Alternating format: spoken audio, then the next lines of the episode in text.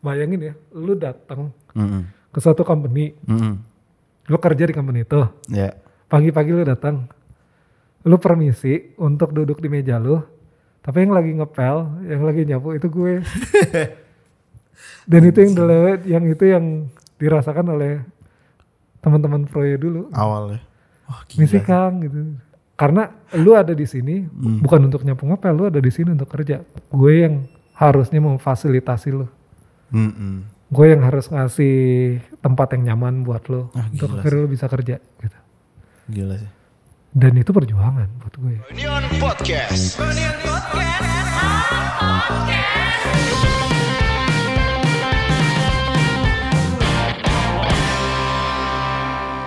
Selamat datang kembali di Freudian Podcast episode ke-112.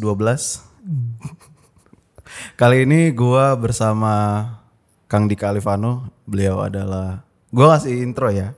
Soalnya gua tahu Kakang Kalau beliau tuh kayaknya gimana gitu. ya. beliau ya udah bung gue lebih berat lagi. Gua intro dikit. Kang Dika adalah seorang founder dari Froyo Story, Mm-mm. Froyonion, Alpha, Wings dan lain-lain. Banyak banget lah. Mm. Eh, terima kasih Kang sudah menyempatkan waktunya untuk hadir di sini. Iya, terima kasih juga eh, sudah menerima paksaan saya untuk akhirnya saya bisa ngomong di sini. Enggak dipaksa lah, gue justru apa ya menyambut kesempatan ini karena gue yakin gue akan belajar banyak dari Kakang. Oke. Jadi satu tambah satu sama dengan berapa? Aduh, aduh, ya dua lah enggak. Oke oke oke, serius serius serius. Bisa jadi tiga, Kenapa? bisa jadi empat, Kenapa? bisa jadi seratus. Karena? Misalnya gua Hmm, ketemu sama lu, itu kan satu tambah satu. hmm, Tapi kalau misalnya dibalik satunya lu itu ternyata punya banyak sekali value, hmm. bisa jadi gua akan mendapatkan yang lebih dari situ. Oh, bukan Kan di ini sini ya. kita nggak ngomong soal matematika. Bukan ilmu pasti berarti Iya. ya. Oke. Kang, eh, lu menganggap diri lu sebagai apa sih? Sebagai ayah, Wow. Bukan sebagai business owner dari ABC, dia bukan. enggak dong. Karena buat gue sih kayak selain ayah yang memang beneran ayah untuk anak-anak gue, Hmm. gue juga harus bersikap sebagai ayah untuk semua yang bareng-bareng sama gue membangun company. Hmm. Gitu. Jadi lu mau WhatsApp kapan aja, lu mau ke rumah kapan aja, Ya. ya asal jangan pas gue tidur jam 3 pagi gedor-gedor gitu ya. Ya. Ya Bisa- lu mau curhat apa aja, kan gue juga selalu menerima gitu. Mm. Tapi misalnya dalam business occasion nih, lo memperkenalkan diri lu sebagai Gue nggak pernah memperkenalkan diri sebagai founder, mungkin Wow. lebih ke kayak partner kali ya sekarang. Hmm. Itu cukup tuh untuk ngehook Kan untuk ngehook eh, apa ya? meeting itu. hmm, Untuk ngehook orang-orang yang nggak tahu siapa lu. kepentingan gue bukan untuk ngehook soalnya. Hmm. Jadi gue juga nggak mau kayak pas ketemu, Hmm. hey gue founder nih. Enggak sih, gue Nggak cuma gue ketemu lo itu Hmm. karena gue pengen ngobrol sama lo misalnya gitu. Nggak ada kayak ada udang di balik batunya. Oke. Gue pengen ketemu emang beneran pengen kenalan aja. Gitu. Hmm. Hmm. Abis itu misalnya ada project bareng ya itu kan lain cerita gitu. Oke. Lu harus ketemu gue yang otentik bukan gue yang sales people yang Hmm. tiba-tiba ketemu itu gue punya misi untuk menjual sesuatu ke lu. Hmm. Hmm. Kayak gue lebih suka yang kayak gitu sih. Gua mau ngebedah dari what is your days like. Kayak gua tahu lu orangnya organize dan sangat padat keseharian lu. Mari kita mulai dari bangun pagi lu ngapain sampai akhirnya lu mengakhiri hari lu tuh ngapain? Oke, kalau bangun pagi itu mungkin harus dilihat dari sebelum bangunnya dulu. Ngapain tuh? Karena setelah tidur gue akan bangun beberapa kali. Dan kebangun beberapa kalinya itu karena gue itu kepikiran di hari itu gue harus melakukan apa. Dan kepikiran bahwa alhamdulillah gue masih bisa nafas sih. gitu. Jadi kayaknya pas bangun itu kayak langsung mensyukuri gitu loh. Kalau misalnya gue masih bisa ngelihat anak istri gue di sebelah gue gitu. Mm-mm. Dan ketika gue bisa tahu kalau misalnya anak gue itu papa mau ke toilet dulu mau pipis ya gue mempersilahkan dia untuk pipis dulu ya biasa itu ritual bangun paginya kayak gitu tuh Mm-mm. Habis dia pipis gue akan ngajak dia untuk turun ke bawah nonton sambil nemenin dia makan Mm. habis itu istri gue baru turun bangun habis itu kita makan bareng Nah, jadi anakku udah selesai makan, gue baru makan, Eh, buka laptop atau buka HP gitu, Langsung kerja. lang nggak langsung kerja sih ngecek-ngecek doang. Lu bangun jam berapa, Kang? Tergantung anak gue bangun. Wow. Misalnya karena bangun jam 4, lu bangun jam 4 tuh. Nah, untungnya karena nggak bangun jam 4. Oh, Oke. Karena bangunnya tuh paling cepet tuh jam 6. Oke. Masih aman. Jadi jam 6 bangun, Hmm. iya kalau karena bangun jam 8, gue bangunnya jam 8. Hmm. Tuh. Ya habis itu kerja lah. Kerja, nyelesain kerjaan, nyampe rumah, kadang malam, Hmm. habis itu tidur. Tapi sebelum tidur biasanya gue lari dulu gitu. Hmm. Baru tidur gitu. Dari keseharian lu ini masih kayak umum ya. Maksudnya nggak ada satu ritual yang mungkin beda dari apa ya? Beda dari karyawan-karyawan lu biasanya gitu loh. Kayak masih ya masih sehari-hari kayak gua juga tuh. Iya, betul. Nggak nggak ada satu hal yang lu sisipkan untuk mengimprove sesuatu kah? Kayaknya nggak ada deh. Oh. Kalau saat ini ya. Hmm. Gue lebih kayak gini loh. Improve sesuatu yang gue tangkap tuh kayak lu harus latihan apa, lu harus training apa yang kayak gitu gue nggak. Hmm. Gue lebih banyak baca sih. Hmm. Atau lebih banyak observasi di sosial media itu lagi ada kejadian apa sih. Oke. Gitu. Habis itu baru kayak refleksi. Ini nih si konten kreator yang ini bisa kayak gini kok gue nggak bisa ya. Hmm. Anak-anak harusnya bisa nih kayak gini. Nah biasanya udah ada grup-grup tuh yang akan langsung gue teror. kayak kita bisa deh kayak gini. Kayak kita harus deh kayak gini. Misalnya kayak gitu. Ya lebih kayak gitu sih gue mah. Hmm. Lu menganggap diri lu ambisius? Dulu iya. Hmm? Sekarang lebih kayaknya. Waduh, lebih ambisius sekarang malah. Lebih ambisius sekarang kayaknya. Soalnya ada kepikiran sesuatu, Hmm. cuma belum tahu mengeksekusinya seperti apa. Makanya tuh kayak gue harus ngejarnya kayak gimana ya. Gue harus ngedeketin siapa dulu ya. Gue harus bisa tahu apa dulu ya ya. Hmm. Itu tuh yang gue lagi pengen kejar. Itu tuh datang dari mana, Kang? Keahlian-keahlian atau mental yang penuh ambisi itu? Kepengen aja sih. Hmm. Kayak kayak gini loh. Kan gue biasa lari kan. Hmm. Lari gue tuh kan juga sebetulnya cara gue untuk mengalahkan diri gue kan. Misalnya hari ini nih gue uh, 10 kilo sejam gitu. Hmm. Ah, besok gue mau 10 kilo 59 menit 30 detik ah. Hmm. Besoknya lagi gue mau 59 menit tank gue mau pak. Itu kan gue harus terus-terusan untuk akhirnya kayak men-challenge diri gue gitu. Iya. Bisa nih. Hmm. Pas nyampe pas dapet puas kan. Pas puas ah gue mau ngapain lagi ya gitu. Hmm. Kayaknya dimulai dari hal yang kecil itu juga kepengaruh ke yang lainnya gitu. Hmm. Ke company misalnya gue udah dapet ini nih kayaknya gue pengen yang kayak gini lagi nih. Gue pengen ini, gue pengen Tapi juga gue harus tahu kapasitas dari orang akhirnya gue ajak ngobrol. Iya. Makanya justru gue juga kalau ngobrol cuma ke circle yang kecil dulu karena Hmm, buat gue sih circle kecil ini yang paling ngerti gue itu seperti apa gitu. Gue harus gue kayak kayaknya kalau gue typing di WhatsApp aja mereka udah tahu gue kayaknya ini jam 12 malam nih kakang kalau misalnya WhatsApp nih karena apa nih kayaknya mereka udah tahu deh sikon-sikonnya. Misalnya, eh, lu udah, udah pernah pastinya berhadapan dengan situasi yang kayak orang yang pengen lu ajak lari ini gak sanggup gitu. Mm-mm. Kayak Haris Franky ya. Nah, larinya metaforanya jadi kayak lari dalam karir gitu loh. Misalnya gitu ya. Hmm. Ketika lu berhadapan dengan orang seperti itu apa yang lo lakuin, Kang? Misalnya level ambisinya nggak setinggi lu ternyata itu orang. Nah itu yang kadang juga kayak ya namanya fisik kan pasti juga susah ya kalau misalnya harus bareng yang satu lagi nggak bisa dan ya terpaksa harus bisa sih Hmm, dipaksa harus bisa. terpaksa harus bisa Orang itu gitu. iya dong ya sepengalaman gue di bisnis juga gitu ya Mhm. ada mantan partner gitu yang kayaknya kurang bisa bukan kurang bisa justru karena dia memiliki visi yang beda aja Nah, sih iya itu. jadinya itu harus harus pisah kayak gitu ya itu biasa lah kayaknya untuk di bisnis mah Berarti sudah ini apa? Sudah sedikit siap untuk let go people. ya harus Wah, itu. awalnya berat Itu paling ini ya. awalnya berat Yang So- paling gak enak di bisnis itu kali ya. Menurut lu ya nggak? iya tapi kan itu siklus Hmm. pasti akan ada sih Hmm. yang kayak gitunya Eh, cuma kan gini loh ketika lo ngebangun bisnis juga lo harus tahu bahwa di saat ada orang lain yang memang tidak sefrekuensi Hmm. ada juga orang yang sefrekuensi dan lo harus Oh. keep uh, hubungan dengan orang-orang itu dari situ mungkin mereka akan menyebarkan lagi ke yang lain Mewabah. kita harus mewabahkan semangat spirit ini Iya, nih iya. itu yang memang Itu tadi kita uh, ngebahas yang mungkin tidak disukai. iya Ada yang downs-nya lah. Yang menyenangkannya being an entrepreneur apa Kang? Waktu Fleksibilitas.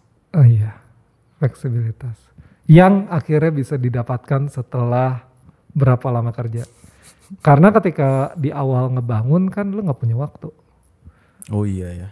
lo mencurahkan semuanya untuk mencapai apa yang lo mau tuju kan Mm-mm. setelah itu tercapai setelah akhirnya ada orang juga yang bisa membantu lo lo jadi punya sedikit kelonggaran waktu untuk melakukan hal yang memang lo pengen. Hmm. contohnya kalau gue yang paling berharga buat gue ya keluarga gitu. Jadi gue selalu pengen deket sama anak gue. Gue pengen selalu main sama dia gitu. Ya kadang misalnya kita lagi siang-siang misalnya eh ini lagi nggak ada kalendernya lagi agak kosong nih. Mm. yuk kita jalan-jalan yuk ke mana yuk? Gitu. Nah itu kan yang kayaknya nggak akan bisa didapetin gitu kalau misalnya lu bekerja gitu tapi ya eh, untuk beberapa orang misalnya dia juga bisa loh punya waktu yang sama kayak gue nih Mm. cuma beda di gue bisa di jam segini dia bisa di jam segini selama dia bisa memanage semuanya sih kayaknya Aman oke ya. aman sih gitu. lu gimana Riz? Apanya? gue Waktu gua- boleh bertanya hal yang sedikit menyimpang gak nih Boleh dong. gitu ya Mm-mm. lu merayakan hidup lu nggak? Gue merayakan hidup gue sih sekarang ya. Kenapa? Cuman ada waktunya yang waktu kayak udah lah ya gitu. kenapa kenapa dirayakan? Iya, kenapa lu menjawab itu? Karena gua saat ini sudah mampu membantu keluarga gua, adik-adik Hmm. gua, mewabah baik lah Oke. untuk orang-orang terdekat gua. Kalau sekarang, kalau dulu mungkin ah udahlah gitu. Lu melihat diri lu Hmm. sebagai orang Hmm. yang merayakan hidup Hmm. dan juga bekerja untuk suatu company, Hmm. apakah lu mensyukuri eh, status lu saat ini? Banget dong, Iya. mensyukuri banget. Gue sadar banyak orang yang tidak punya kesempatan ini, Hmm. banyak room for improvement untuk diri gue sendiri gitu loh. Oke. Jadi sangat-sangat gua rayakan sih. Gua bekerja di sini, gua eh, punya lingkungan teman-teman yang sama serunya gitu kayak teman-teman nongkrong gua di kantor ini. Jadi sangat gua apresiasi sih, Kang. Hmm. Bagaimana cara lu merayakan hidup lo gitu?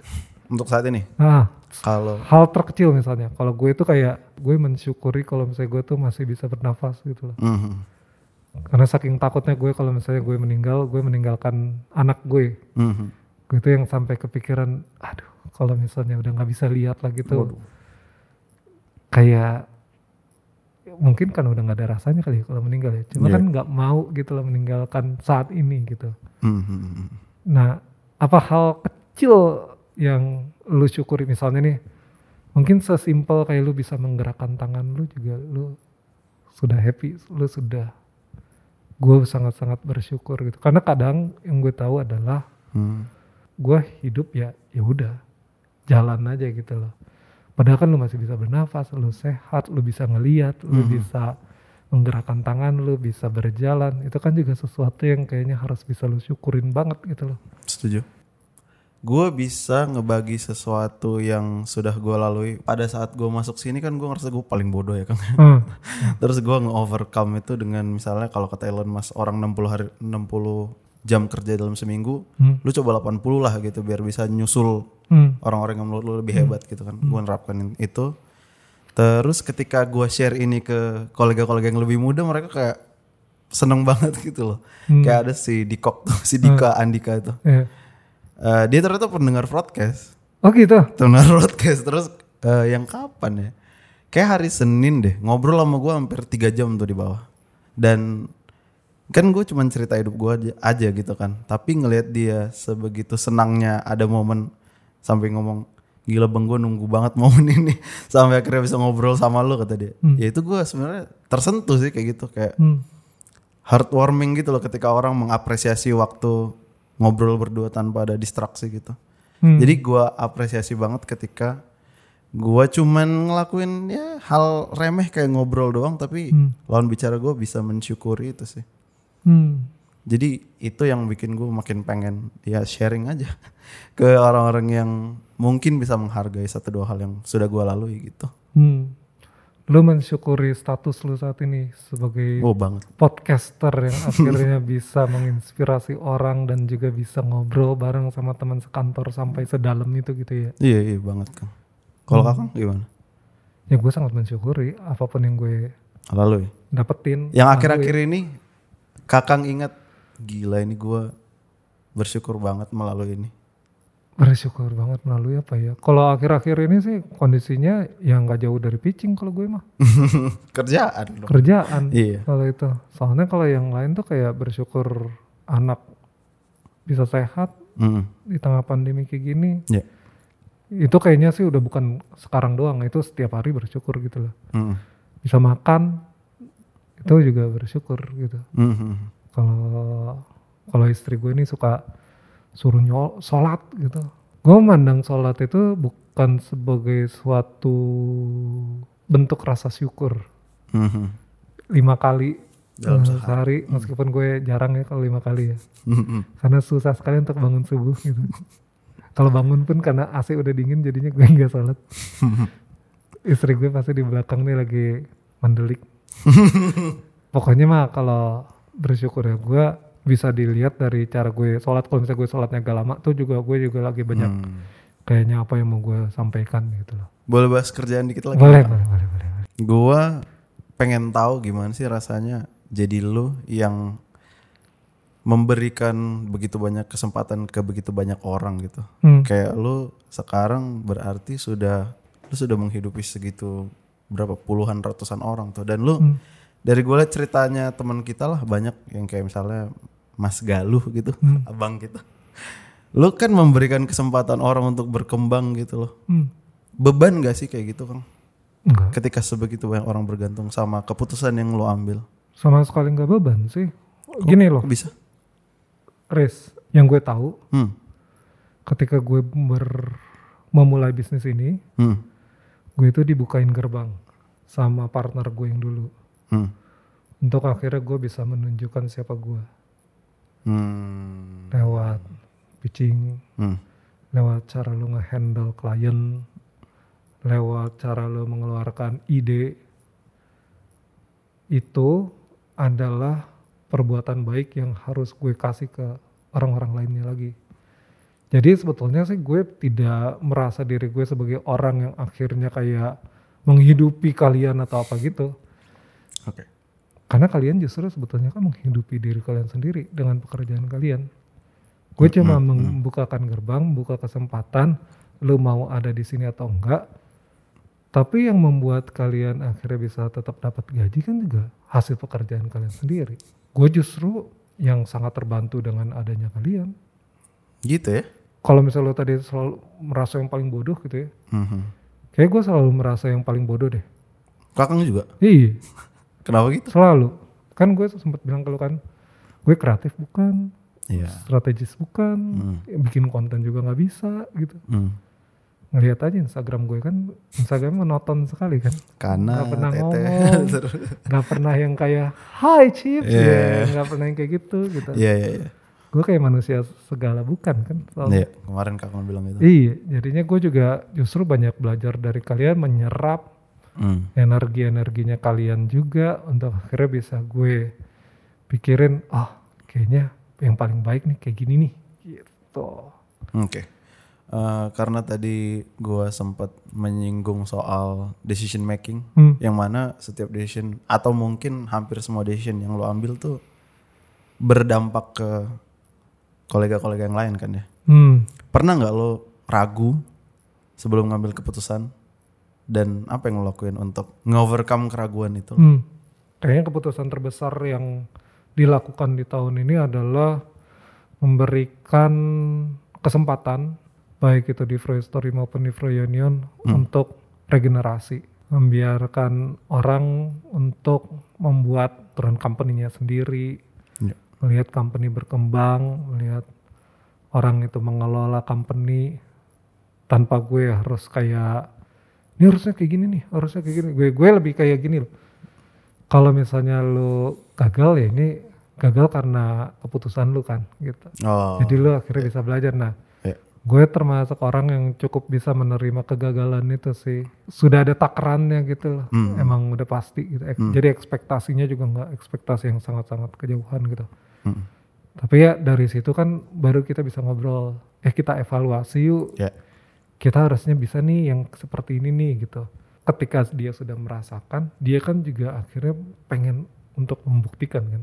Ya. Gue bukan orang yang akan selalu gagal gitu. Ketika lu udah merasakan kalah, lu pasti pengen merasa menang kan. Iya dong. Jadinya ambisi itu akan kebentuk. Lu harus ngelaluin hal yang berat dulu sih. Mhm.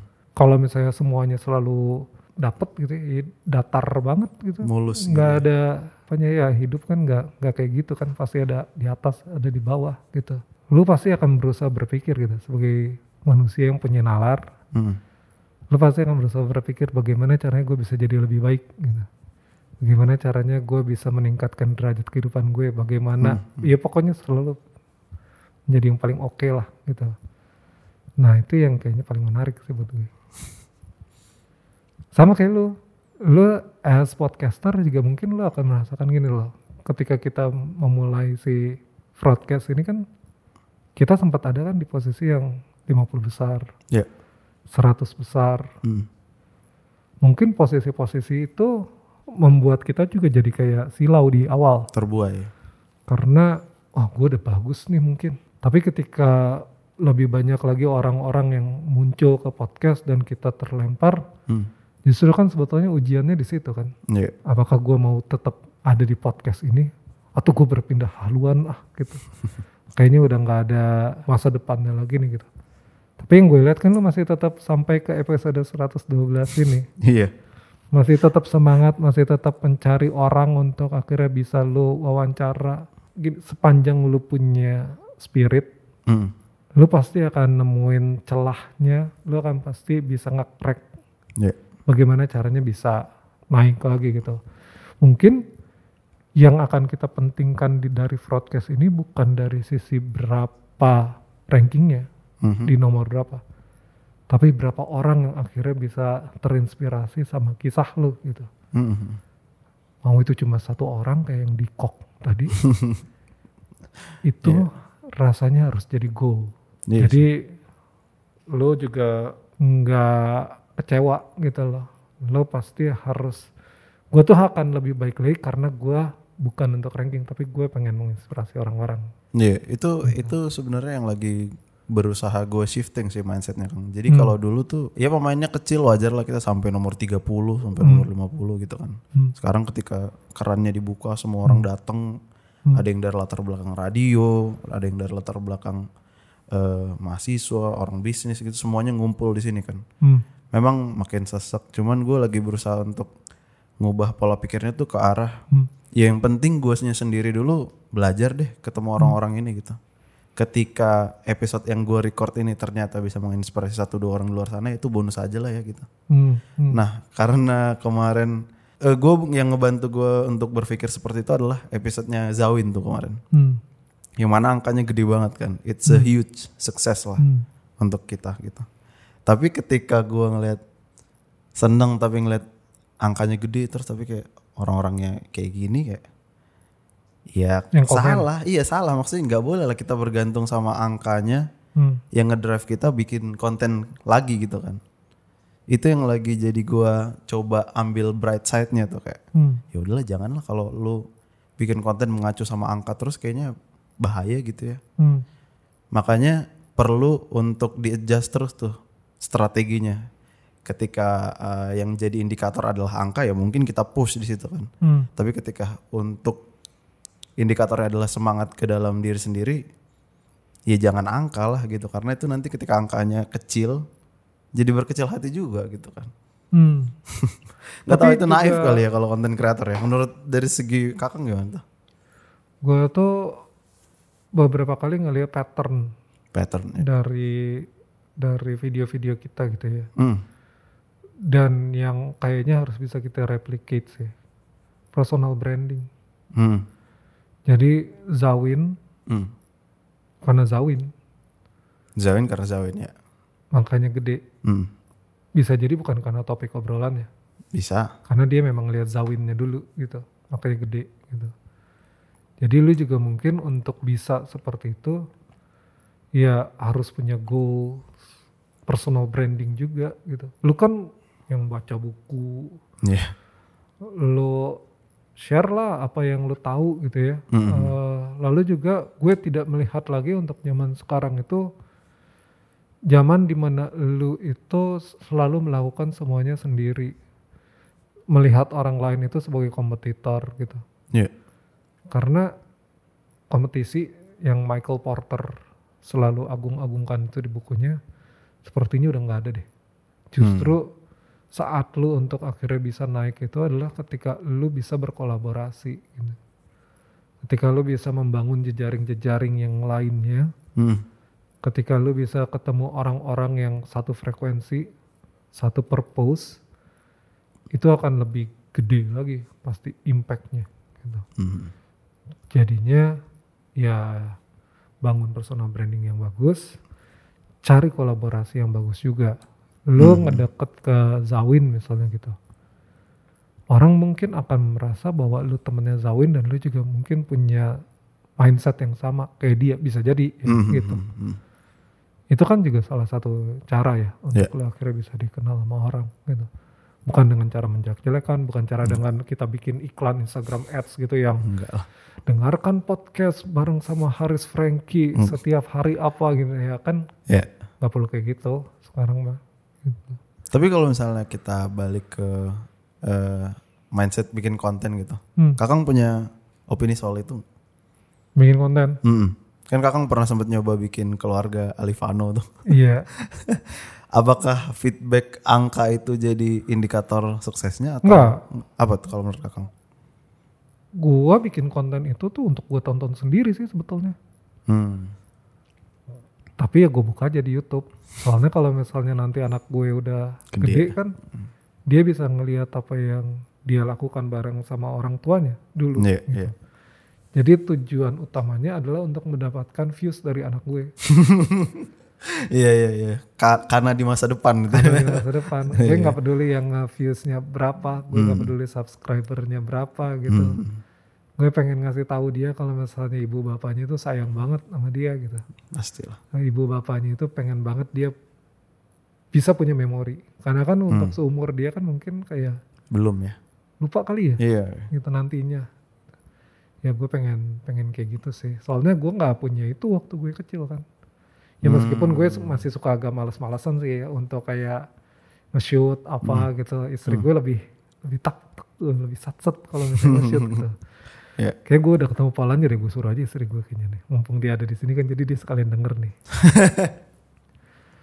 Jadi karena yang di masa depan adalah karena yang bisa mengingat kasih sayang orang tuanya Hmm. dan semoga Kana juga bisa punya kasih sayang itu akhirnya untuk ke sesama Iya. punya empati Iya. Kana juga bisa apa ya kayak kalau misalnya dia ketemu nanti pasangannya ya Wait. lu harus kayak gini ya Lu ada cita-cita atau angan-angan gak? Kar- Karena itu akan jadi apa? kalau cita-cita atau angan sih nggak ada sih Profesinya gitu nggak kebayang ya? nggak nggak kebayang gue Hmm.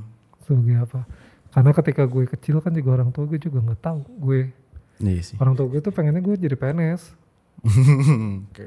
pegawai Nagita Slavina enggak deh Ya aduh. PNS betulan karena kan orang tua kan PNS kan Iya.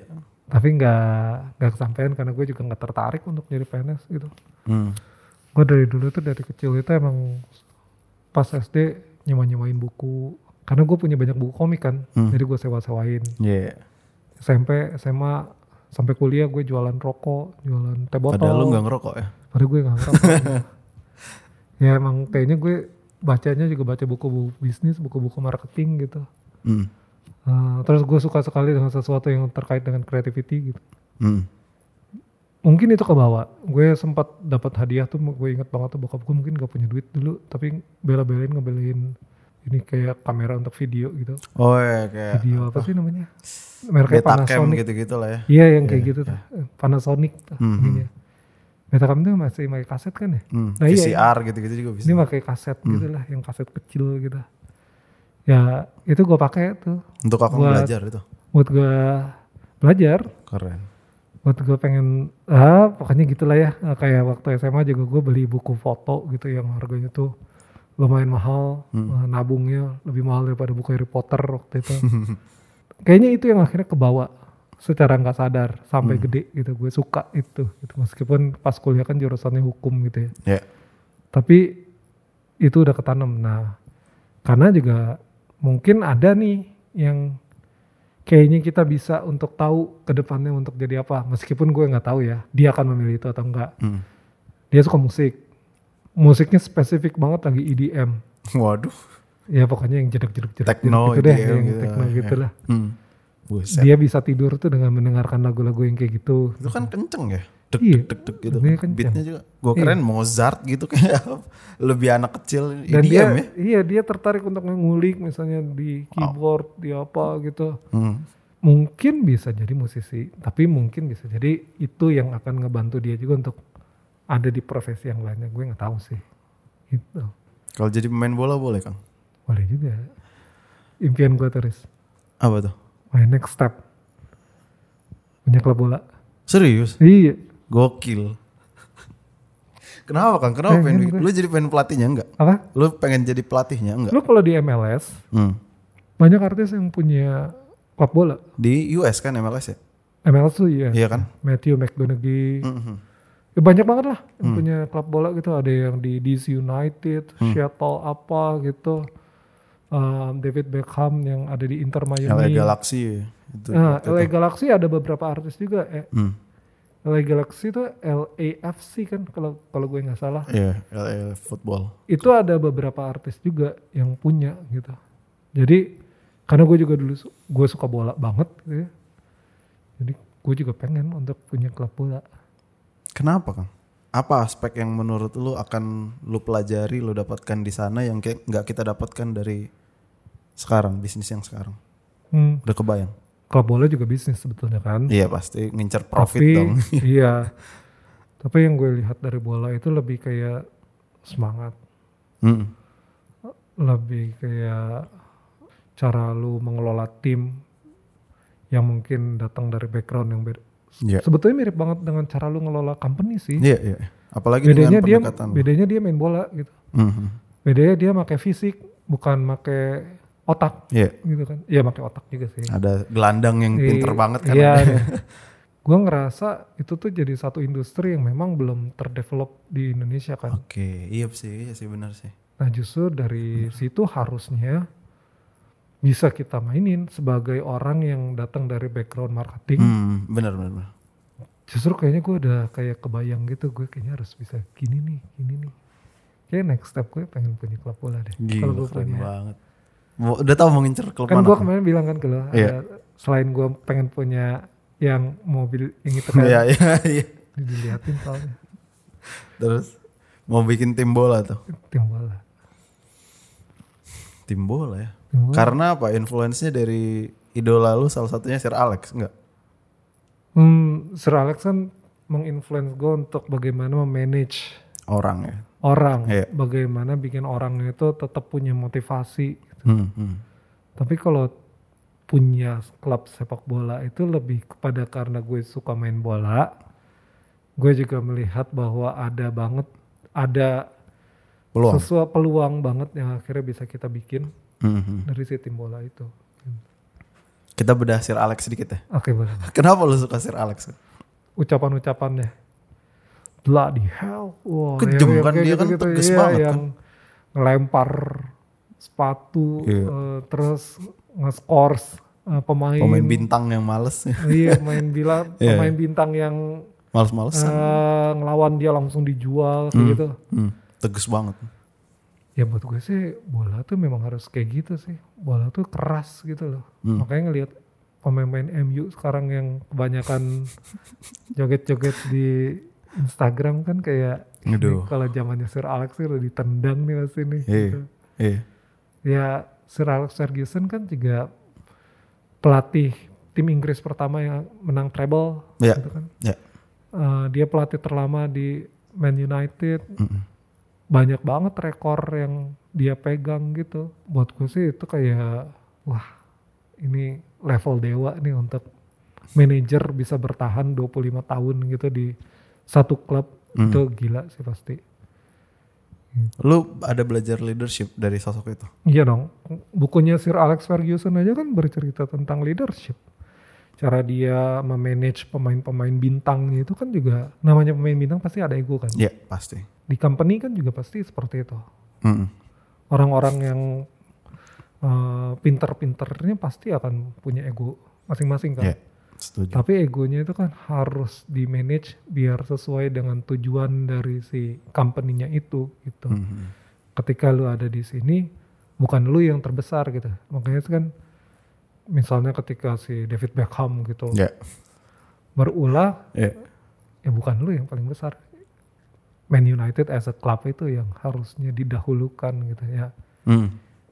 Dan kepercayaan dirinya untuk tidak takut kehilangan pemain bintang menurut gue sih itu the best ya. Gila. Dan dia ngebawa Man United dari klub Iya. yang nggak begitu bagus loh. papan Kan tengah itu dulu. setelah Busby kan biasa aja kan MU kan. hmm. Habis itu dia bisa ngebawa itu jadi klub yang ada di top tier terus Hmm, sampai sekarang. sampai ya sekarang sih udah jangan sih. lima tahun terakhir, lima tahun lalu lah itu ya. Ya, semoga Erik Ten Hag ini bakal bisa bagus. Kayaknya dia yang gua sempet kulik tuh dia orangnya tegas. Hmm. Eric Ten Hag itu datang dari kota petani juga Iya. katanya si Coach Justin. Jadi Iya. mungkin pemain-pemain yang bintang itu berani tuh ditempelengin sama dia. Iya, dan lu lihat deh, pas di video dia datang first day-nya dia di United, Ah, dia salamin semua orang. iya. Gila, salamin semua orang sampai tim reserve juga dia yang salam duluan, dia yang mengenalkan diri duluan gitu. Buat gue itu jadi kayak wah anjir nih, ini nih. Semoga Liverpool kalah nih. Sama kayak Klopp itu dia waktu pertama kali datang ke Liverpool lima tahun lalu dia ngapalin semua staff Kang. Ada 72 staff tuh dia kehafalin. Nutrisionis, orang dapur, orang pencuci sepatunya dihafalin semua sama dia. Iya, Karena dia percaya kayaknya untuk ngebentuk satu tim ini nggak cuma 11 orang itu doang tuh yang harus di di apa ya, diajak bareng-bareng gitu loh. Hmm. Yang mana sedikit banyak gue lihat lo lakukan juga tuh. iya, Gue lihat lo dari top tiernya si level sampai yang anak magang lo ajak ngobrol juga. Hmm. Kenapa lo kayak gitu? diajak ngobrol langsung maupun di chat ya. Iya. Malahan kalau di chat ada yang nanya ini siapa? ya gue aja waktu pertama kali masuk di follow Kang Dika. Aduh siapa lagi? Nggak gue follow back langsung tuh. gue lebih gue gue yang follow duluan gitu. Iya. Anak-anak magang juga gue yang follow duluan gitu. Kenapa? Kenapa kayak gitu? Karena pengen tahu kenapa lu ada di sini, Hmm. kenapa lu ada di Froyo gitu. Eh, pengen tahu juga kehidupannya seperti apa. Hmm. Eh, karena kalau misalnya gue udah tahu itu, kan gue jadi punya bahan untuk ngobrol sama dia kan. Hmm. Eh, kayak kemarin tuh ada yang ulang tahun gitu. Iya. Gue tahu tuh di sosial media seperti apa. Jadi pas gue ketemu juga gue bisa langsung ngobrol sama dia. Hmm. Ketika ada pendekatan-pendekatan menurut gue kayak kayak nggak ada batasnya lah ya, nggak ada gapnya gitu ya. Ya, ya. Kayaknya orang kerjanya juga jadi lebih enak gak sih gitu. Mm-mm. Ternyata ngerasa kayak lu datang ke sini bukan sebagai anak magang tapi sebagai orang yang uh, diapresiasi mungkin Ya. sama sama gue misalnya Sama lu, gitu. ya. Mm-mm. Yang mana pelatihnya gitu lah ya. Ibaratnya di MU tuh. Iya, karena kan gue harus tahu dulu kan dia ngerjain apa. Iya. Gue datang, Iya. gue say thank you, gue bilang ke dia juga kalau, wih lu bagus banget nih. Kalau misalnya desainer, lu desainnya bagus banget kayak gitu ya. Hmm. Itu kan juga memicu dia untuk gue harus bisa lebih bagus lagi nih gitu. Iya. Dan gue nggak tahu apakah yang dilakukan ini dilakukan juga oleh atasan-atasannya dia gitu. Jadinya kan Hmm. kalau misalnya ini tidak dilakukan, ini adalah contoh Mm-mm. gitu. Lo ngeliat nih gue, gue aja bisa lo ngajak anak intern untuk magang, eh untuk magang, Untuk untuk, ngobrol, ngobrol, ya. gitu. Masa lo nggak? Gitu. Mhm. Kebanyakan waktu gue sekarang itu diisi dengan ngobrol sih. Nurture orang gitu ya Kang ya. Nurture iya, tapi juga gue percaya sih kayak kan kalau misalnya Gita Wirjawan nurture or nature gitu kan. Ya. Gue percaya sih secara nature-nya juga dia akan berkembang bahkan hanya dengan ngobrol. Yes. Jadi yakin. nurture itu harus dari atasannya mungkin. Tapi secara nature dia akan merasa bahwa ketika dia nyaman, ketika dia enak di satu company ini, dia juga pasti akan berusaha untuk membuktikan yang paling bagus yang dia punya sih. Hmm. Gitu. Oke, kita belok jauh banget nih. Oke, Gue akan menanyakan di luar kerjaan.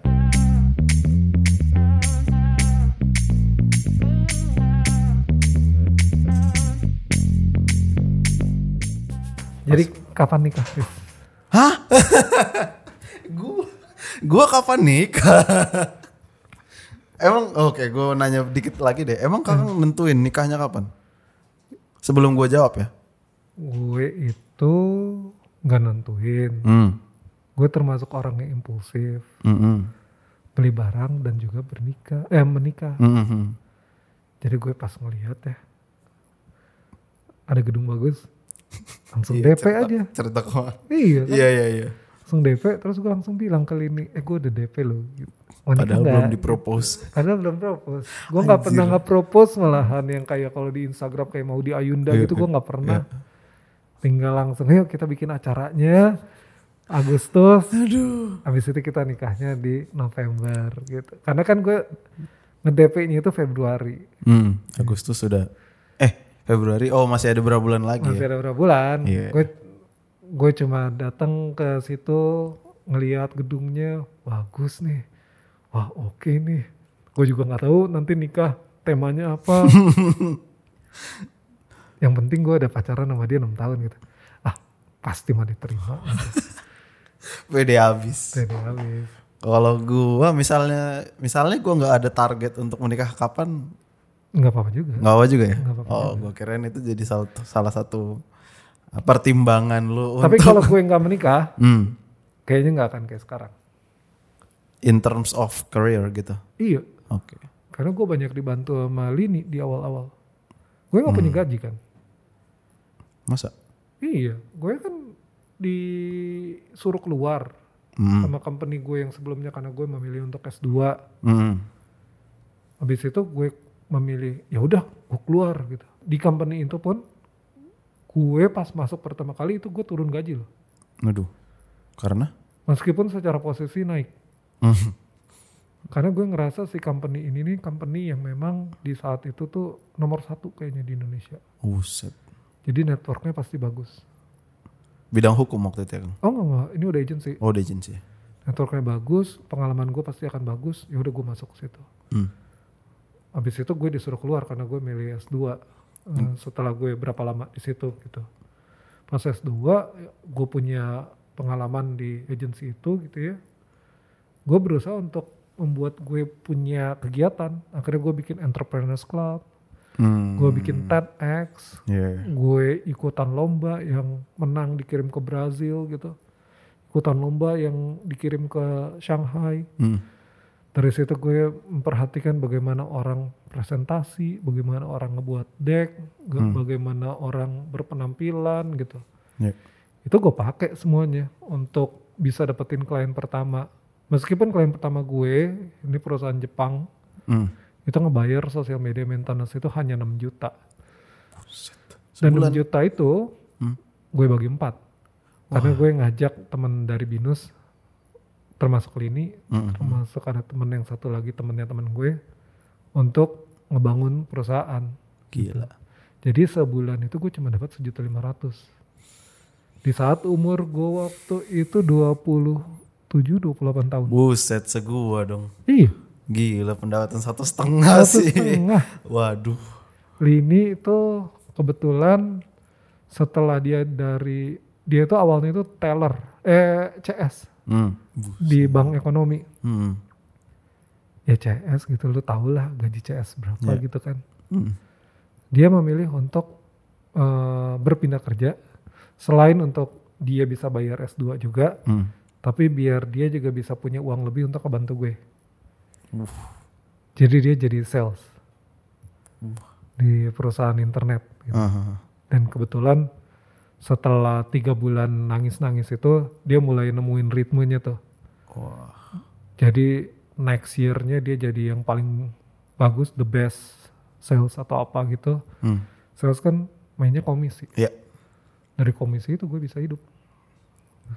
Nah. Jadi gue bertahan dengan satu setengah juta itu sampai gue hmm, 29 tahun, kali, setahunan lah. Buset. Habis itu gue dapetin klien lagi, naik lagi, gaji gue 2 juta, naik lagi gaji gue 3 juta, naik lagi gaji gue 4 juta, Wah gila sih. dan itu masih terus ditopang sama Lini. Jadi kalau misalnya nggak nikah, kayaknya dia juga ngapain gue ngebaya, ngebiayain lo gitu kan. Iya. Gitu. Anjir gila banget kan. Jadi sampai umur gue 30, pas gue bikin Froyo lah ya, Hmm. itu gue juga belum settle kan. 32 ya itu ya? Iya mungkin ya. Iya, lima Gue- tahun lalu gue- 32. Gue belum belum settle gue. Hmm. Pernah si Froyo juga mau Idul Fitri, uang di rekening perusahaan tuh tinggal 2 juta. Anjir. Jadi gue nggak nggak ngambil THR buat gue. Dan gue nggak pernah ngambil sekalipun eh dividen dari Froyo. Hmm. Sampai gue rasa itu cukup. Dan itu lama banget gue ngambil. Dan lama banget gue harusnya bisa misalnya gini. Gue bisa nih sekarang ngegaji gue misalnya Iya. eh, dari 4 juta. Gue bisa nih gaji gue 5 juta gitu. Hmm. Tapi nggak gue lakuin. Kenapa? Yang gue lakukan adalah uang itu Hmm. akan gue pakai untuk gue putar lagi, gue hire orang lain. Dan sempet ada di satu eh, masa itu gaji orang yang bekerja sama gue lebih gede daripada gue. Apa itu motif di balik itu? Em, Apa yang lu yakinin sampai lu ngelakuin itu? nah pada waktu itu sih sebetulnya karena masih naif aja sih. Hmm. Jadi gue juga nggak tahu ya motifnya apa ya. Gue gue cuma pengen si company ini bisa terus-terusan berjalan gitu. Hmm. Karena gue happy sekali gitu. Wow. dan gue juga ngelihat gue punya banyak sekali orang untuk akhirnya bisa gue tanya-tanya Hmm. gue bisa belajar dari orang-orang yang masuk ke Froyo waktu itu gitu gue juga enak banget untuk ngobrol-ngobrolnya bareng sama mereka-mereka itu Hmm. ya itu sih yang gue lakukan bahkan sampai Froyo di Perkici Hmm. Froyo udah 20 atau 25 orang gue masih nyampung ngepel sendiri Iya. itu gue lakukan itu sampai 2015 lah ya Iya. itu gue lakuin kayak gitu Karena kenapa dilakukan itu? Karena nggak punya uang kalau misalnya mau Untuk menghemat ya. iya jadi lu datang Hmm. bayangin ya lu datang Hmm. ke satu company Hmm. lu kerja di company itu Ya. pagi-pagi lu datang lu permisi untuk duduk di meja lu tapi yang lagi ngepel yang lagi nyapu itu gue dan itu yang dulu yang itu yang dirasakan oleh teman-teman Proyo dulu Awal ya. Wah gila. misi kang gitu Ampun. karena lu ada di sini Hmm. bukan untuk nyapu ngepel lu ada di sini untuk kerja gue yang harusnya memfasilitasi lu Hmm, hmm. gue yang harus ngasih tempat yang nyaman buat lu Ah, untuk akhirnya lu bisa kerja gitu Gila sih. dan itu perjuangan buat gue Eh, k- kenapa lo lakuin itu Kang? Kenapa lu sampai apa ya? Itu kan agak bahaya kalau dipandang dari segi leadership gitu ya. Hmm. Jadi kayak nggak ada apa ya? leadership itu nggak harus selalu memperlihatkan kalau lu lebih daripada orang yang lu pimpin Hmm. karena ketika lu melakukan yang gue selalu harus lebih pintar gue harus selalu lebih keren gue harus selalu apa lu jadi nggak otentik Hmm. manusia itu selalu punya kelebihan dan kekurangan gitu Hmm. Gue mengakui waktu itu kalau misalnya Froyo masih kecil ke mereka dan karena pengakuan itu adalah yang membuat mereka kayak dapat bensin untuk akhirnya Ya. ayo Kang kita lari bareng gitu. gue percaya sama lo gitu. cara lu kan untuk narik trust orang gitu loh Iya, iya. tujuannya macam-macam kan Hmm, hmm. caranya Hmm. nah kalau gue cuma berusaha tampil apa adanya gue aja gitu. Gitu ya. Tidak berusaha untuk mengimpress Iya, iya. Iya dari tadi lu ngomong gitu Kang dari kita ngomong business occasion lah, yang kayak misalnya meeting-meeting besar, lu Iya. bilang untuk tidak memperkenalkan diri sebagai owner, bla bla bla Iya. bla. Terus di depan partner dan tim-tim lo yang lain lu pun tidak apa ya pretensius lu apa adanya lu nyapu ngepel gitu tanpa kayak kalau dari kacamata gue tuh kayak bahaya jadi nggak hormat cuman lu selalu tampil apa adanya di depan Iya. tim-tim lu itu ya Makanya gue gak nyaman sekarang. karena Ketika orang ngelihat gue datang terus kan, Ya. terus ketawa karir, ketawa karir terus yang kalau ditolak, iya. ya, ya. Lu, lu jangan ngelihat gue yang Iya. kayak sekarang gitu. Iya. Gue juga tetap gue yang biasa aja gitu. Gue nggak merasa gue Hmm. kan gue bilang kalau tadi kan ya lu yang menggaji diri lu sendiri kok sebetulnya dengan Iya. pekerjaan yang lu lakukan kenapa lu harus memandang gue sebagai owner yang Iya. apa gitu. Ya enggak lah kita di sini bareng-bareng gitu. Humanis banget kang kayak kepemimpinan lo. Nah nggak tahu ya, humanis atau memang ini sesuatu yang salah gue nggak tahu. Tapi gue percaya kalau gue memang kayak gini gitu.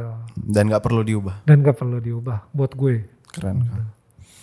Eh, ngebahas sedikit yang Froyo perkeci awal tuh. Ah. growth-nya itu kalau kita lihat dari kacamata bisnis kan gila ya. Hmm. Maksudnya dari awal lu ngebikin tadi struggle-nya seperti apa sampai di Perkeci 25 orang sampai di Jalan Cikini Raya itu lu berapa orang lagi tuh sekarang hampir 100. Dan di Froyo Neon juga udah 28 kali sekarang orangnya. Hmm. Lu nge-reflect ke belakang in tuh total sekarang hampir 400 400 orang. hampir 400 kalau alpha Ter eh digabung Alpha juga ya. kalau alpha iya 400 orang tuh ya. Anjir. Gimana lu ke- ketika lu ngelihat dulu apakah ini semua lu antisipasi? Apakah ini masih dalam rencana lu atau enggak? Growth ini. growth ini Hmm. adalah sesuatu yang gue syukurin Hmm. tapi sesuatu yang juga yang gue sesali Duh, kenapa tuh? karena gue kehilangan connection kayak gue akhirnya kayak susah untuk gue tahu lo Hmm. tapi gue nggak tahu latar belakang lo misalnya Oh, banyak orang karena banyak karena ya? banyak banget orangnya gitu Iya kadang sih. gue juga berusaha untuk menghafal kan Ya. kesusahannya adalah saat ini ketika satu meja itu semuanya kerudungan gue jadi nggak tahu karena ini pakai masker semua Iya, gue iya. nggak tahu ini namanya siapa gitu Iya. gue berusaha untuk datang ke situ gue ngobrol biasa kalau sama yang kayak gitu tuh gue Hmm. ngobrol gue ngedengar nanti dari mereka ada yang ngomong nama temen yang sebelah oh namanya ini. Berarti karena gue Iya, udah kenalan sama mereka. Gue yakin gue udah kenalan gitu sama Hmm. mereka.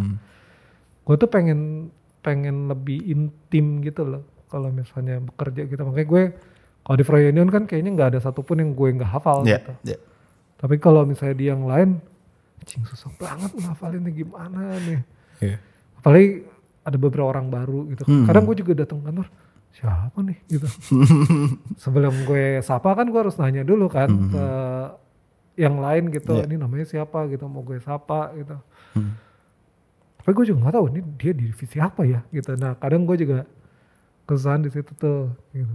tapi Hmm. tetap gue berusaha untuk akhirnya menyapa duluan Hmm. karena mereka nggak berani nyapa duluan gue keselnya itu tuh Iya, iya, iya. gue Iya, kesel dulu benar, kenapa sih lo ngeliat gue kayak gitu Iya, gitu kenapa ya? Heeh. Lu tau gak sih sedih lu jadi gue kayak gitu Iya sih karena dari tadi yang lu bilang semangat lu dari bawah tuh untuk maju bareng tapi tiba-tiba sudah besar ini nggak mungkin lah bisa seintim itu ke semua Iya, orang kan. iya, iya. Tapi kalau balik lagi ke pertanyaan tadi sudah kakang antisipasi kah growth ini? Iya, sudah. Oh, sudah? Kalau diantisipasi sudah. Karena pertambahannya selalu kita lihat tiap tahun. Hmm. Hampir selalu sama growth-nya itu berapa puluh persen, berapa puluh persen gitu. Wow, wow, wow, wow, wow. Hmm. Kaget nggak kang? Kaget. Dari segi Meskipun mental, sudah lu- mengantisipasi, tapi Hmm. tetap kaget. dari segi mental lu kayak kemarin gue ngayal sama Mario kan misalnya kita ini sekarang misalnya digaji 20 juta tiba-tiba rentang waktu setahun tiba-tiba gaji 200 juta itu kan kayak agak shock juga kan ada kayak ya mental kaget lu ya gue kasih tahu ya, dari dulu tuh gue selalu, ketika lo digaji berapapun, hmm. coba double atau triple gaji lo. Seakan-akan lo dibayar double atau triple. hmm kenapa tuh Maksudnya ketika lo digaji sejuta, Hmm. berlakulah seperti lo digaji 3 juta. ya, ya kenapa tuh Karena itu akan ngebawa lo ke situ. wow manifesting nih ya Iya. itu Gue dari dulu bukan orang yang hitung-hitungan. hmm, hmm. Jadi gue akan mengerjakan apa yang gue bisa. Hmm. Gue lakuin semuanya dan lihat dari sisi eh, retainernya kita gitu. Mm, mm, Gue start dari 6 juta kan, gue bilang. mm. Sekarang, Nggak enak Gue ya nggak bisa ngomong. Iya iya iya. tapi sekarang ya udah lebih dari Iya, dari pasti itu. dong, gitu. pasti Karena ketika gue dibayar 6 juta pun gue berla, bersikap se- seolah-olah gue itu dibayar 60 juta gitu. Gokil. Itu yang bikin orang akhirnya percaya dan merekomendasikan ke orang lain kan soalnya. Mhm. Jadi lu juga yakin deh pasti lu akan kelihatan kok. Mm, Lu harus bisa berteriak tanpa lu harus berucap, tanpa lu harus membuka mulut, tanpa lu harus mengeluarkan nada. mm. Orang akan lihat hasil kerja lu soalnya. Itu kan teriakan lu sebetulnya. Iya, iya, iya. Itu yang anak-anak sekarang itu nggak nggak banyak yang paham. Mm-mm. Bukan yang nggak ada ya, tapi nggak banyak yang paham. Nggak banyak yang paham. Mm-mm. Karena mungkin ngelihat dari Twitter Iya. banyak sekali orang-orang akhirnya ngomongin soal, "Eh, lu jangan kayak gini, makin Iya. lu ini nanti lu makin disuruh, makin lu-" Dieksploitasi lah bahasanya. Iya. Justru lu harus untuk merasa tereksploitasi karena dengan begitu lu belajar banyak, dengan begitu lu dipercaya orang. Hmm. Ketika orang yang udah percaya sama lu, lu juga pasti akan dapat imbal baliknya kok. Gitu. Iya, itu yang gue rasain. Iya. Kalau bukan mau ngejilat ya, cuma Dan harus tahu sendiri. lebih gitu. Dan gue nggak memandang itu sebagai sesuatu yang menjilat, cari Hmm. muka atau apa. Ya karena itu lu lakuin aja. Iya. Gak usah takut dengan stigma, gak usah takut dengan asumsi orang, gak usah takut dengan ucapan orang gitu. Mm-mm. Lakuin aja. Kalau memang itu yang paling baik, kan lo yang ngejalanin hidup. Lo yang mensyukuri hidup kok. Iya. Kenapa nggak lo lakukan? Itu loh. Gue tuh paling kesel justru ngelihat orang yang diem doang. lu punya mulut, lu punya hidung, lu punya mata, lu punya tangan, lu punya kaki. Lakuin dong apa yang bisa gitu. Mm. Karena hidup itu keras. Lo harus yakin Iya. kalau hidup itu keras gitu. Percaya. Se gini, lo ada di bawah sama lo ada di atas. Fightingnya tuh harus sama. Ya? Iya, ngerti-ngerti. Temponya gitu kan. Harus Temponya. konstan ya. Bedanya cuma di challenge apa yang lo hadepin. Ketika lo di bawah mungkin lo mendapetin dapetin challenge A gitu. Ketika lo di atas lo ngedapetin challenge B, lo akan tetap dapat challenge Iya, bagaimanapun ya. bagaimanapun. Jadi lo nggak boleh diem. Lo harus selalu punya ambisi. Makanya gue tadi bilang ya gue kayaknya Ambisius. ambisius deh. gue merasa ketika gue udah ada di step ini, gue harus lagi nih ke step selanjutnya gitu. Gue harus belajar apa lagi ya. Ketika gue datang ke satu industri yang baru lagi ya gue gue bukan orang pintar. Gue justru harus orang bodoh yang akhirnya dan gue cukup mau mengobservasi soalnya. Iya. Jadi gue mungkin kayak kalau bola tuh Lionel Messi. Dan Kenapa? kalau misalnya mulai pertandingan tuh dia diem dulu, Iya, ngeliat dulu sekitar sana sini, iya, iya. jalan gitu. Baru mulai kan. Mm-mm. Nah gue mungkin yang kayak gitu. Jadi gue tuh selalu mengobservasi dulu, gerakan gue mungkin akan lambat dulu. Iya.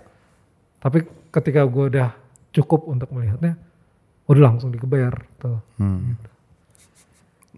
Kalau mengacu ke ambisi tadi, Kang. Hmm. Apakah ambisi itu mengantarkan lu ke kebahagiaan? Hmm, iya dong, tentunya. Gue nggak bisa munafik juga, Hmm. gitu. Karena dengan ambisi gue, akhirnya gue bisa mendapatkan apa yang gue mau. Gitu. Hmm, hmm, Kebahagiaan gue sebetulnya bukan cuma materi kan. Iya. Apa yang gue mau adalah saat ini melihat anak gue bisa mendapatkan atau bisa merasakan apa yang dia inginkan. Gitu. Hmm. Iya sih, akses itu ya. Iya, di saat dia ingin sekolah, gue bisa memberikan itu. Di saat dia ingin makan sesuatu, gue bisa kasih itu. Hmm. Di saat dia ngelihat, oh bajunya bagus, gue bisa ngelihat itu. Tapi ada juga kondisi-kondisi di mana gue meminta anak gue itu untuk berusaha. Hmm. Meskipun itu bukan dari sisi materi ya. Misalnya nih, Ya. kayak nggak bisa buka pintu Mm-mm. karena ini dikunci, kuncinya keras. Mm. Gue akan membiarkan dia untuk nangis. Buset, kenapa?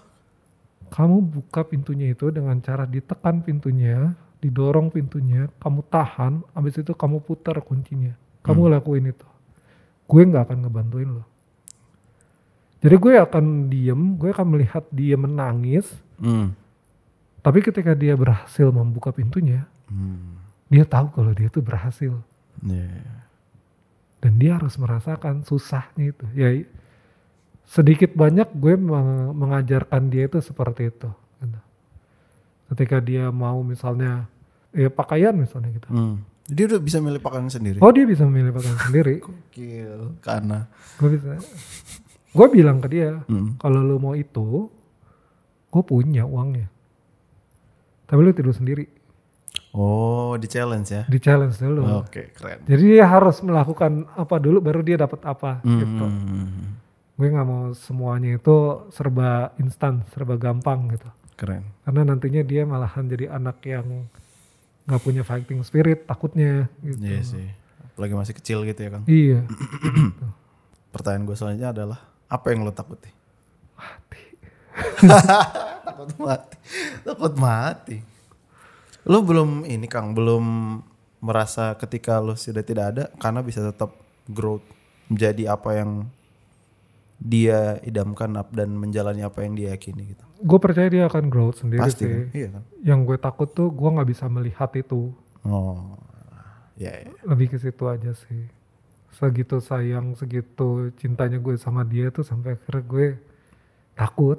Hmm. Itu yang ngebuat gue juga kalau misalnya bangun tidur malam-malam itu karena ya, ah gue masih hidup ternyata nih. Waduh, Gitu. ngeri Gue banget. masih ngelihat Kana nih. Dan itu gue alamin beberapa bulan ini. Ngelihat Kana makin gede tuh makin gue takut. Makin gue pengen banget bareng-bareng sama dia gitu loh. Gue nggak tahu ini penyakit atau bukan. Tapi gue Hmm. merasa ketakutan untuk terpisah dari dia gitu. Kenapa itu kecemasan? Itu ada Iya iya anxiety kayaknya. Itu ada pernah ke psikiater gitu kan? Belum. Oh, belum ya. belum cuma itu kan juga yang ngebuat gue kayak ada bagusnya sih gue ngebuka Al-Quran Hmm, ya, ya. Ngebantu ya. meskipun gue nggak ngebaca huruf Arabnya ya tapi gue ngebaca artinya gitu. Mhm. karena dengan begitu gue jadi bisa memahami apakah nanti ketika meninggal itu tetap seperti yang dibilang orang gitu kalau misalnya akan ada arwah masuk ke surga atau neraka gitu atau justru cuma kayak kita diem tidur gitu doang gitu nah gue padahal gue bisa ngeliat hantu ya dulu ya tapi gue takut Iya. ya Iya kata kalau Lucky gitu. Heeh. tapi gue takut sih karena yang gue lihat kan jin sebetulnya Menurut lu mati itu apa? Lu nggak akan kebayang lagi mungkin menurut gue lu nggak punya hasrat lagi lu nggak punya emosi lagi lu ya udah mati aja gitu diem Hmm. saat lu akhirnya bener-bener istirahat makanya ketika lu lagi masih hidup masih bisa ngebuka mata masih bisa nafas gitu lu pengen istirahat ya boleh tapi ya jangan istirahat terus-terusan sampai akhirnya lu mager nggak mau ngelakuin apa pun gitu Hmm, hmm, hmm. lu justru harus merayakan hidup dengan berkarya buat gue Ya. apa pun itu ya karyanya ya tapi lu harus meninggalkan sesuatu lah yang akhirnya bisa dikenang sama orang yang Hmm. akhirnya bisa orang juga terbantu terinspirasi nah kayak gue mau ke situ deh gitu. Lu udah tahu mau dikenang jadi Kang Dika yang seperti apa? gue mau dikenang sebagai Kang Dika yang yang baik kali seperti itu aja sih cukup. Ini mungkin jadi pertanyaan terakhir kita. iya Eh, karena broadcast ini banyak muda-mudi yang mau mengejar apa pun gitu ya, seni. eh, mungkin ketika ngebahas bisnis Hmm. di judulnya nanti dan sampai sejam ini mereka masih dengerin, mungkin mereka pengen jadi kayak lu lah gitu, Hmm. pengen mengambil jalan entrepreneur gitu. Ada satu dua pesan yang bisa lu sampaikan untuk mengencourage mereka kan? tahu dulu purpose lu apa sih Hmm. karena banyak orang yang jadi entrepreneur nggak kuat terus akhirnya balik lagi bekerja gitu Hmm. dan tahu bahwa as entrepreneur itu nggak seindah yang dibayangkan juga gitu Ya. tiap pekerjaan pasti akan ada plus minusnya. Lu bolehlah ngelihat orang-orang itu punya berbagai macam barang mewah gitu. Hmm. tapi lu tahu nggak apa yang udah pernah dia lewatin gitu? Jadinya kalau misalnya ekspektasi lu terlalu tinggi dengan rentang waktu yang terlalu mepet itu akan membuat lu jadi kecewa nanti kalau misalnya lu nggak dapet gitu. Ya. karena kan mungkin lu ngelihat semua wah dia bisa punya ini nih pada umurnya baru segini gitu Hmm. mungkin tempaannya udah dari dia umur TK kali gitu. Iya, betul. Lu nggak tahu aja. Lu nggak bisa secara mentah-mentah meniru dia kan soalnya gitu. Hmm. Untuk bisa jadi entrepreneur yang baik, yang pertama adalah lu harus tahu bahwa ketika lu mau jadi entrepreneur, tujuan lu jangan uang dulu deh. Oke. Tujuan lu adalah untuk dipercaya sama orang dulu. Hmm. Karena dipercaya itu sulit sekali untuk didapatkan. Uang mah gampang, dipercaya sama orang itu yang susah. Gitu. Jadi jaga kredibilitas lu, jaga biar orang itu selalu melihat lu sebagai orang yang bisa dipercaya. Itu dulu yang harus ditanemin. Artinya apa? Artinya lu harus bekerja dua tiga kali lipat lebih keras sih untuk akhirnya bisa jadi orang yang seperti itu baru habis itu lu akan dapetin apa yang kira-kira lu pengen capai gitu sih Hmm. Ya keren banget. gitu iya siap. Kang Dika makasih banyak ilmunya. terima kasih Mudah-mudahan bisa mengencourage satu dua pendengar kita di sini ya. ya dan mudah-mudahan juga bisa jadi hostnya podcast Siap, amin. Eh, teman-teman, itulah Kang Dika Alifano. Eh, di akhir episode ini gue mau mengingatkan untuk jangan lupa follow Spotify Broadcast, follow TikTok kita juga, Instagram at Froenion, juga follow Andika Alifano, at Alifano kalau mau aja. Terima kasih teman-teman, sampai jumpa di episode selanjutnya.